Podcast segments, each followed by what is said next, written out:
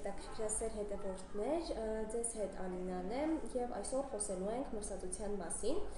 Այսօրվա մեր հյուրն է Վարդանանց ՆԲԿ-ի թոքաբան Անահիտ Գևորքյանը։ Բարև ձեզ, Բժշկուհի ջան, ինչպե՞ս եք։ Բարև ձեզ Ալինա, լավ, շնորհակալ եմ։ Բժշկուհի ջան, կարծում այս եղանակին ընդհանրապես միշտ ակտուալ է մրսածությունը, թոքաբորբը, դրանից զարգացող, այսօր ուզում եմ դրա մասին խոսենք, ու առաջինը հասկանանք նախ ինչ է մրսածությունը ու ինչպես է առաջացել այն միֆը, որ մարդիկ կարող են հիվանդանալ ցրտից, սառը օդից, եղանակից։ Մրսածությունը վերին շնչուղիների բորբոքային վիրուսային հիվանդություն է, որը հիմնականում որի հարուցիչներն են հիմնականում սեզոնային տարածված վիրուսները եւ հիմնականում դրսեւորվում է քթահոսությամբ, կոկորտի ցավով, թուլությամբ, մկանացավերով եւ ջերմության մինչեւ 37.5 աստիճան Ցելսիուս բարձրացմամբ սովորաբար նման սեզոնային վիրուսները ավելի տարածվում եւ ախտահարում եւ բորբոքային հիվանդությունները առաջացնում են ցուրտ եղանակներին, քանի որ այս եղանակներին շատ սահմանափակվում է մարդկանց տեղաշարժը, սենյակները դառնում են չոթափողվող, մարդկանց կուտակումները փոքր տարածքներում ավելի հաճախ են լինում, ուստի դա նպաստավոր պայմաններ է ստեղծում վիրուսների բազմացման ու տարածման համար, եւ հենց այս սեզոններին էլ սրացումը տեղի է ունենում եւ միֆը, որ ցուրտ եղանակից հնարավոր է մրսածություն ունենալ, այսինքն այդ անգլերենով եթե տերմինը թարգմանենք common cold, ինքը հիմնականում առաջանում է ցուրտ եղանակներին, որովհետեւ դրսևորվում է ցուրտ եղանակներին, որովհետեւ այս սեզոններին մարդիկ ավելի սերտ կոնտակտի մեջ են գտնվում եւ վիրուսները շատ արագ են փոխանցվում եւ համաճարակային ընդཐུպ մինչեւ իրավիճակ կարող է ստեղծվել բայց նման բան, որ կոնկրետ ցուրտը եւ բնակլիմայական պայմանը կարող է առաջացնել ջերմության բարձրացում եւ առհասարակ վերին շնչուղիների բորբոքային վիրուսային հիվանդություններ, բնականաբար իրականությանը չի համապատասխանում իսկ բացի ցուրտ եղանակից, այլ ինչ ռիսկի գործոններ ռիսկի գործոններ կան, որոնք կարող են բարձրացնել մրսածության հավանականությունը։ Առհասարակ շատ կարևորվում է տվյալ սեզոնային վիրուսների համաճարակաբանությունը, այսինքն նրանց կոնտագիոզությունը, տարածվածությունը, նոր շտամների ի հայտ գալը։ Կոնկրետ պացիենտների շրջանում ավելի խոցելի են ռիսկի խմբում գտնվող պացիենտները, այսինքն 65+ տարիքն է ռիսկի խումբ համարվում, հղիները, երեխաները, ինչպես խրոն, ինչպես նաև քրոնիկ հիվանդություններ ունեցող պացիենտները, ովքեր կամ դինամիկ հսկողության տակ են գտնվում, կամ դեղորայքային կանոնավոր բուժում են ստանում, կամ նաև Հայաստանում շատ հաճախ են հանդիպում դեպքեր, երբ քրոնիկ հիվանդությունները ճշտված չեն եւ առասարակ բուժման էլ չեն ենթարկվում։ Այս պացիենտների խմբերը իրենք գտնվում են ռիսկի խմբում վիրուսային վարակների ավելի հեշտ ընկալման եւ որն ամենակարևորն է ավելի ձգձգման եւ բարդությունների առաջացման տեսակետից։ Մրսակցության դեպքում ինչ ախտանիշներ պետք է ունենա պացիենտը, դեպքում պետք է անհանգստանա ու դիմի բժշկի։ Սովորական մրսածությունը ինքը տևում է մոտ մինչև 1 շաբաթ, առավելագույնը 10 օր, ոչ ավելին, բայց այս ընթացքում կարևոր է ուշադրություն դարձնել ախտանիշների հարաճմանը, պրոգրեսիվ մանը, այսինքն, ինչպես նաև փոփոխմանը եւ որոշ նոր ախտանիշների ի հայտ գալուն։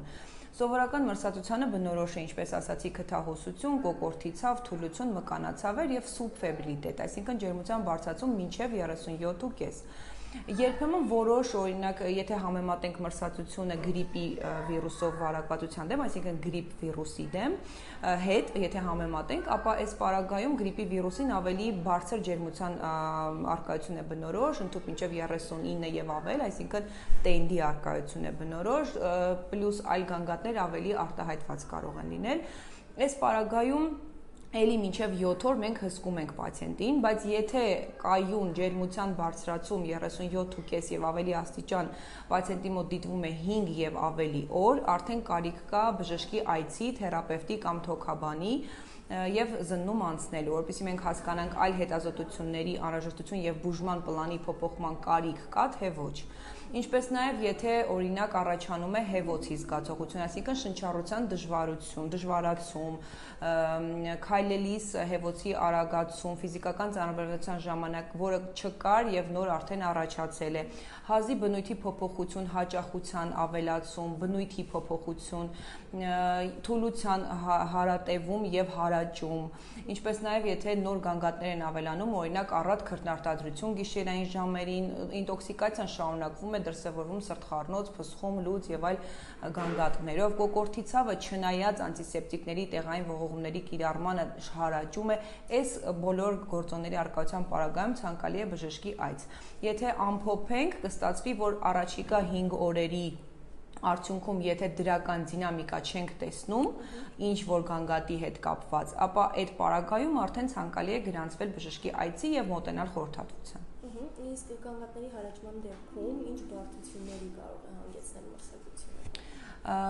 Առհասարակ սովորական մրսատությանը շատ բարդություններ բնորոշ չեն, այսինքն ինքը հիմնականում 7 մաքսիմում 10 օրում սահմանափակվող process է։ Բարդություններ հիմնականում առաջանում են պայմանավորված կոնկրետ տվյալ վիրուսի վիրուլենտությամբ, կոնտագիոզությամբ, այսինքն եւ այդ պահին համաճարակային իրավիճակով։ Եթե ունենք որևէ ակտիվ վիրուս, որը կարող է հարուցել ինչ-ինչ բարդություններ, կարող են կարող ենք համապատասխանաբար ունենալ կոնյուկտիվիտ, սուրֆարինգիտներ, վիրուսային բնույթի, ինչպես նաև թոքաբորբերի, ականջաբորբերի առաջացում դրանք էլ արդեն համապատասխանը համապատասխանաբար իրենց բարդություններով բայց սովորաբար սովորական մրսածությունը շատ արագ է կարգավորվում եւ նման բարդություններ մենք չենք ունենում հետեւաբար արդեն 5-րդ օրը հետազոտման ժամանակ մնացած հերակա բարդությունները հնարավոր է կանխատեսել Ավելի շատ բարդություններ մենք ունենում ենք հատուկ վիրուսային վարակների պարագայում, թեկուզ եւ օրինակ հիմա տարածված գրիպի վիրուսի պարագայում վիրուսային թոքաբորբերը, վիրուսային կոնյունկտիվիտները բավականին տարածված են այսինքն կախված առավել մեծ ռիսկի գործոնը այն վիրուսն կոնկրետ վիրուսն է կոնկրետ վիրուսն է կոնկրետ օրգանիզմի տեղային պաշտպանական մեխանիզմներն են ընդհանուր կոմորբիդ ֆոնն է այսինքն ամեն ինչ այս պարագայում կարևոր է եւ չենք կարող հստակ ձևակերպել որ դա հենց մրսածության բարդություն է որովհետեւ հիմնականում մրսածությունը տեղային հիմնական տեղային ախտանշաններով է դրսևորվում վերին շնչուղիների եւ ավելի սեզոնային սովորական վիրուսներով պայմանավորված է առաջանում իսկ արդեն գրիպը,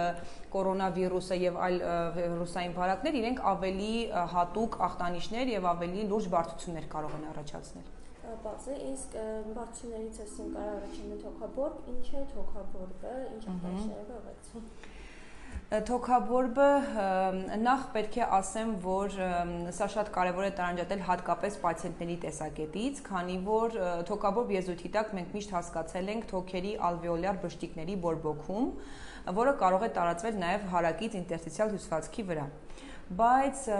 քանի որ մենք ճունենք ներկայումս հայաստանյան գրականությունում շատ լավ թարգմանված տերմին վիրուսային թոքաբորբերի հետ կապված, ես մի քիչ կխուսափեմ այս եզրույթը մեկ անգամ եւս կրկնելուց, որովհետեւ տարբեր տարբերություններ բավականին կան, հա, վիրուսային եւ բակտերիալ ընթացքների հետ կապված եւ բուժման մոտեցումն է տարբեր եւ ընթացքն է կլինիկորեն տարբեր Եվ այս պարագայում պետք է ուշադրություն դարձնել, որ դիագնոզը պետք է դրվի պարտադիր բժշկի կողմից, անհրաժեշտ ճիշտ գործիքային եւ լաբորատոր հետազոտությունների արդյունքում եւ բուժման մոտեցումները թոքաբորբի հետ կապված տարբեր են, կախված նրա ցակումնաբանությունից։ Հետևաբար թոքաբորբ ուղակի կսահմանենք որպես թոքերում տեղ ունեցող բորբոքային ինֆիլտրատիվ process եւ արդեն կթողնենք բժշկի վրա ընտրելու դա բակտերիալ է թե վիրուսային, որպեսզի կարողանանք ճիշտ բուժում իրականացնել, որովհետեւ միշտ չի, որ ինքը բակտերիալ թոքաբորբ է, իսկ ալվեոլներից սկսված ախտահարումը բնորոշ է բակտերիալ թոքաբորբին միայն եւ այդ պարագայում բնականաբար բուժման տակտիկան էլ գնում է դեպի անտիբիոտիկների կիրառումը իսկ այլ պարագայում մենք ունենում ենք օրինակ պնևմոնիտ ասվածը կամ ինտերստիցիալ թոքաբորբել չեմ կարող ասել, որովհետև դա էլ ուրիշ եզրույթի մեջ կարող ենք ընդգրկել, բայց պնևմոնիտ անվանենք։ Պնևմոնիտ ասվածը առաջանում է հիմնականում վիրուսային process-ների պատճառով եւ սկսվում է թոքի ինտերստիցիալ հյուսվածքից եւ նոր միայն ալվեոլները կարողանում են ընդգրկվել process-ի մեջ։ Հետևաբար թոքաբորբը ուղակի անվանենք թոքերում բորբոքային process։ Խոսենք վիրուսային թոքաբորբի մասին ավելի շատ։ Վիրուսային թոքաբորբը նախ ասենք բակտերիալ թոքաբորբից արդյոք ախտանիշներով տարբերվում է թե չէ, հետո կանցնենք արդեն։ Okay Բակտերիալ թոքաբորբը դասական գրականության մեջ նկարագրվում է հետևյալ կերպ.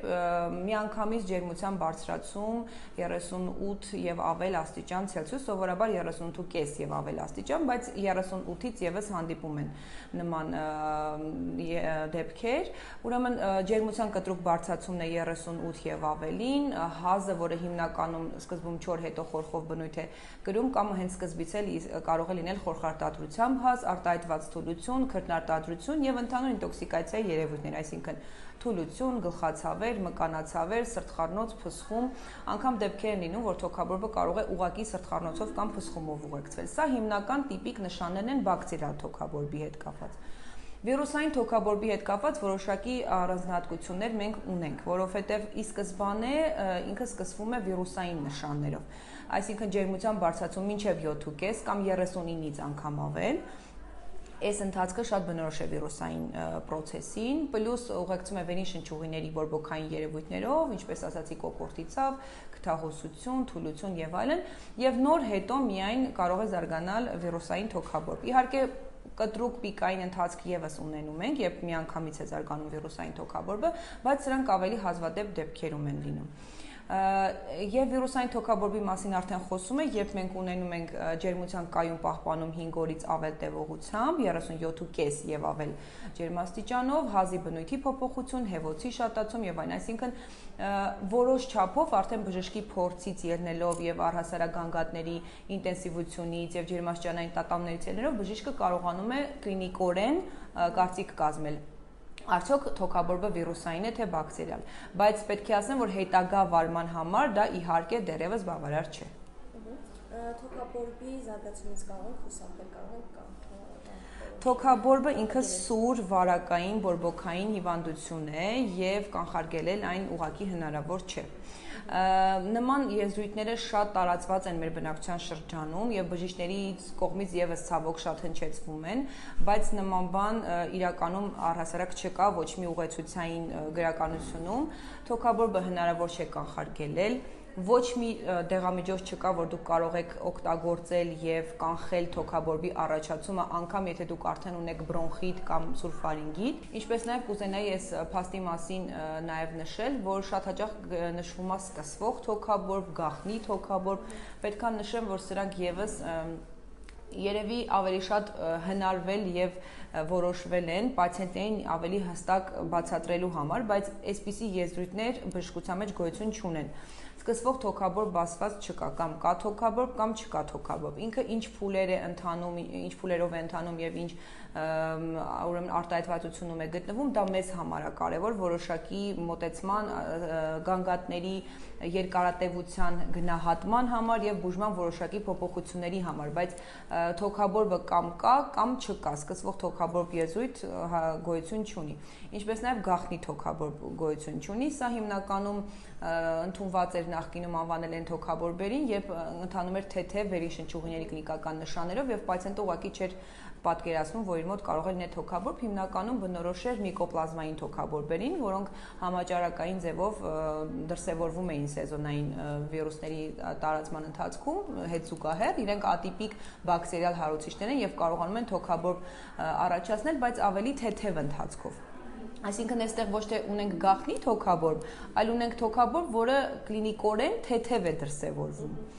Սա է տարբերությունը, այսինքն գախնի թոքաբորբ եզրույթ եւս չենք կարող օգտագործել։ Ինչ հետազոտությամբ է վերջնական ախտորոշվում թոքաբորբը։ Այստեղ էլի պետք է առանձնացնեմ բակտերիալ եւ վիրուսային թոքաբորբեր ասվածը, որովհետեւ իրենց ախտորոշման վերջնական ախտորոշումը տարբեր է։ Առհասարակ բակտերիալ թոքաբորբը, ինչպես մենք բոլորս գիտենք, ախտորոշվում է ռենտգեն հետազոտությամբ եւ հայտնաբերվում է ինֆիլտրատիվ օջախ բայց եթե մենք կասկածում ենք վիրուսային process-ի արկայության մասին եւ վիրուսային թոքաբորբի զարգացվածության մասին, այստեղ առաջին ընտրության հետազոտություն խորհուրդ է տրվում թոքերի սոնոգրաֆիան եւ հետո արդեն կատե հետազոտությունը։ Պետք է ասեմ, որ երկու տեսակի թոքաբորբերի դեպքում էլ կատե հետազոտություն հնարավոր է ցուցված լինի, բայց որոշակի պայմանների արկայության դեպքում, այսինքն ամեն հասարակ խնդրի պարագայում միանգամից կատե հետազոտություն անել հնարավոր չէ եւ ճիշտ չէ բնականաբար մի շարք հանգամանքներ հաշվի առնելով եւ ֆինանսական առումը եւ ճառագայթման դոզան եւ չափը այսինքն պետք է հստակ բժիշկը որոշի անհրաժեշտությունը կատե հետազոտության նոր անցնի պացիենտը կատե քննություն հիմնականում թոքաբորբերի դեպքում կատե նշանակվում է եթե մենք բարդությունների կասկած ունենք եթե մենք նշանակել ենք բուժում բայց արդյունավետությունը մեզ դուր չի գալիս այսինքն արդյունավետ չի եղել բուժումը եւս ցուցվում է կատե հետազոտություն եւ ինչպես ասացի վիրուսային թոքաբորբերի դեպքում որպես երկրորդ ընտրության միջոց բարի ու խոսենք արդեն հոգաբորբի բուժումից, ինչպես են բուժում, այլ եթե տարբերություններ կան, մի քանի սխեմատիկ բուժման բուժման սխեմա։ Okay եթե ունենք զարգացած բակտերիալ թոքաբոր, որը բնականաբար ինչպես ասացի, հաստատվելու է կլինիկորեն, ռադիոլոգիորեն եւ լաբորատոր անալիզների արդյունքում, այս ամեն ինչի արդյունքում եթե բժիշկը ախտորոշում է բակտերիալ թոքաբոր, բուժումը ենթադրում է անտիբիոտիկների կիրառում ընդ որում իհարկե իդեալական պարագայում ցանկալի է բակ անալիզ խորխի, որի արդյունքում կպարզվի, որ բակտերիան է ավելի որ բակտերիան է հարուցել թոքաբորբը եւ ըստ դրա արդեն կնշանակվի թիրախային անտիբիոտիկային կուրս, բայց քանի որ ցանքսի անալիզը ժամանակ է պահանջում եւ մենք ունենք թոքաբորբ, որը սուր process է եւ մի քանի ժամում անգամ կարող են բարդությունները զարգանալ, գրականության մեջ ընդունված է միանգամից նշանակել էմպիրիկ հակաբիոտիկային թերապիա որը մենք սկսում ենք առաջին խմբի անտիբիոտիկների կիրառումով պետք է նշեմ, որ համակցումներ եւ այլ պրեպարատ, նո համակցումներ անտիբիոտիկների շատ են կիրառվում, բայց այս պարագայում պետք է ուշադիր լինել, որովհետեւ սխալներ շատ են թույլ տրվում։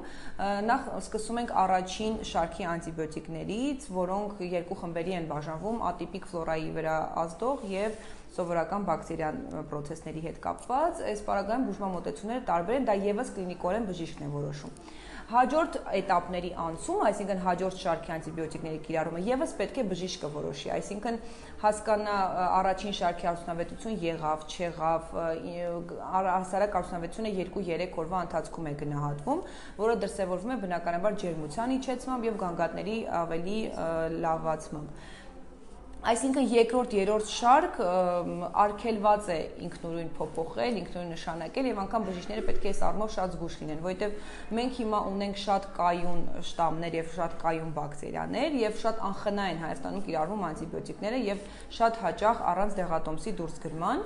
հետևաբար մենք ի վերջո գալիս ենք հասնում մի կետի, որ ունենք կայուն բակտերիաներ, որոնց դեմ չեն աշխատում ոչ մի պրակտիկայում արկա անտիբիոտիկ եւ սա պետք է յուրաքանչյուրիս խնդիրը լինի, յուրաքանչյուր բժշկի եւ յուրաքանչյուր պացիենտի մենք հաշվի առնենք, որ մեր օգտագործած ցանկացած անտիբիոտիկ ընդհանուր ռացիոնի վրա է ազդում, այսինքն կոնկրետ տեղային մենք Հայաստանի մասշտաբով չենք կարողանում ի վերջո ունենալ անտիբիոտիկ, որը աշխատում է։ Հետևաբար ինքը պետք է ընտրված լինի միայն բժշկի ցուցումով։ Բացի անտիբիոտիկներից կարող են նշանակվել արդեն սիմպտոմատիկ բուժում։ Եթե ունենք խորխոհազ, որը դժվար է դուրս գալիս, եթե ունենք բրոնխիտային երևույթներ, եթե ունենք ջերմության բարձրացում, թուլություն, մկանացավեր, այս բոլոր գանգատների հետ կապված սիմպտոմատիկ բուժում եւս հնարավոր է անտիբիոտիկին զուգահեռ ստանալ։